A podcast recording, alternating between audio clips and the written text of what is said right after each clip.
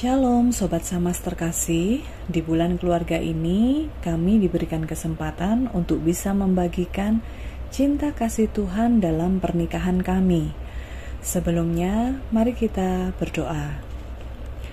Bapa dalam surga kami mengucap syukur atas pemeliharaan Tuhan dalam hidup kami. Saat ini kami mau mendengarkan sedikit sharing tentang keluarga Pimpin kami semua ya Tuhan, biarlah kami semua bisa terberkati. Dalam nama Yesus kami berdoa. Amin. Bapak Ibu keluarga damai, saya dan Pak Warren memasuki usia pernikahan masih 16 tahun. Masih jauh dan panjang perjalanan yang harus kami lewati bersama. Dalam menjalani kehidupan pernikahan, Hari demi hari, tahun demi tahun kami lewati. Tidak mudah ya Bapak Ibu. Ketika kita secara pribadi masing-masing kita mempunyai ekspektasi tentang pasangan. Namun ketika ekspektasi itu tidak kita temui dalam diri pasangan kita, bagaimana respon kita? Tidak mungkin kita menuntut pasangan untuk berubah kita demikian juga dengan pribadi kita. Banyak hal-hal indah yang bisa kita rasakan bersama. Namun selalu juga ada hal-hal yang tidak kita inginkan, yang tidak kita harapkan, bahkan yang dapat menimbulkan konflik dalam pernikahan. Di sinilah kita pribadi dituntut untuk mengingat dan melakukan firman Tuhan saya membaginya dalam tiga hal yang harus kita selalu ingat dan lakukan dalam kehidupan pernikahan kita. Yang pertama, kasih. Bagaimana kita bisa menerapkan kasih tanpa pamrih atau unconditional love, seperti kasih Tuhan kepada kita? Masing-masing kita mempunyai ego, di mana ingin dikasihi, ingin diperhatikan, ingin dimaafkan, dan lain sebagainya. Dengan begitu, kita bisa membalasnya dengan memberi kasih, memberi perhatian, memberi pengampunan dengan sangat mudah. Namun, bagaimana jika hal tersebut tidak kita dapatkan? Sangat sulit rasanya bagi kita untuk memulai terlebih dahulu hal-hal tersebut. Belum lagi ada gengsi dalam diri kita masing-masing.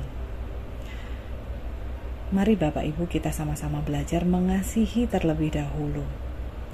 Memperhatikan terlebih dahulu, mengampuni terlebih dahulu.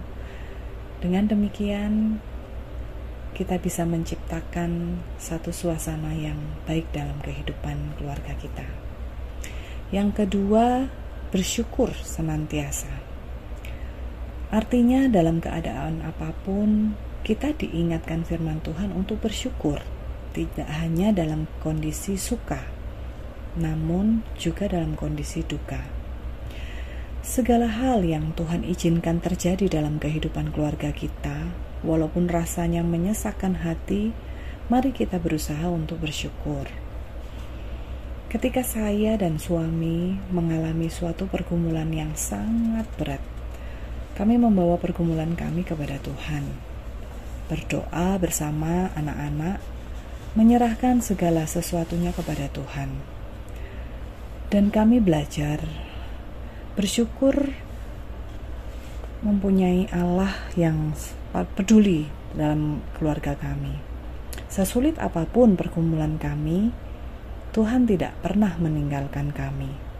Dia memelihara kehidupan kami hingga saat ini. Yang ketiga, pengampunan kepada pasangan. Tidak akan ada habisnya sepanjang pernikahan. Kita harus selalu belajar mengampuni. Selalu ada kesalahan-kesalahan, baik itu dari kita sendiri maupun dari pasangan. Namun, siapa pun yang berbuat salah harus berani untuk mengakui dan meminta maaf. Sulit bagi kita jika yang diperbuat adalah kesalahan yang sama. Namun, ketika kita ingat perintah Tuhan, tetap harus mengampuni.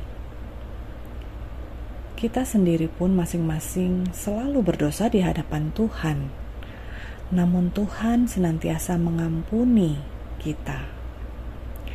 Saya dan suami terus bergumul tentang hal ini. Terkadang ego kami yang kami kedepankan. Pernah satu kali kejadian, pada akhirnya saling diam satu dengan lainnya untuk beberapa waktu. Sebenarnya hal tersebut tidak patut untuk dilakukan. Namun puji Tuhan ketika suasana sedikit mereda, kemudian masing-masing mencoba menyadari tentang apa yang sedang terjadi dan setiap menyadari bahwa setiap pribadi pasti punya kelemahan. Dan kami juga mengingat bahwa ada anak-anak yang harus kami kasihi bersama. Akhirnya kami pun berdamai dan memperbaiki segala sesuatunya. Sobat Samas, kami sebagai suami istri terus berusaha bisa melakukan tiga hal tersebut. Kasih, mengucap syukur dalam segala hal, dan mengampuni. Walaupun kenyataannya jatuh bangun, namun, hanya pertolongan Tuhan saja yang terus menguatkan kami. Kiranya sharing ini bisa menjadi berkat buat kehidupan pernikahan kita semua. Mari kita berjuang untuk terus memperindah pernikahan bersama dengan Tuhan, mengandalkan Tuhan. Mari kita berdoa. Bapa dalam surga, terima kasih untuk sharing hari ini. Kami mengucap syukur atas pertolongan Tuhan di setiap pergumulan keluarga yang boleh kami lewati.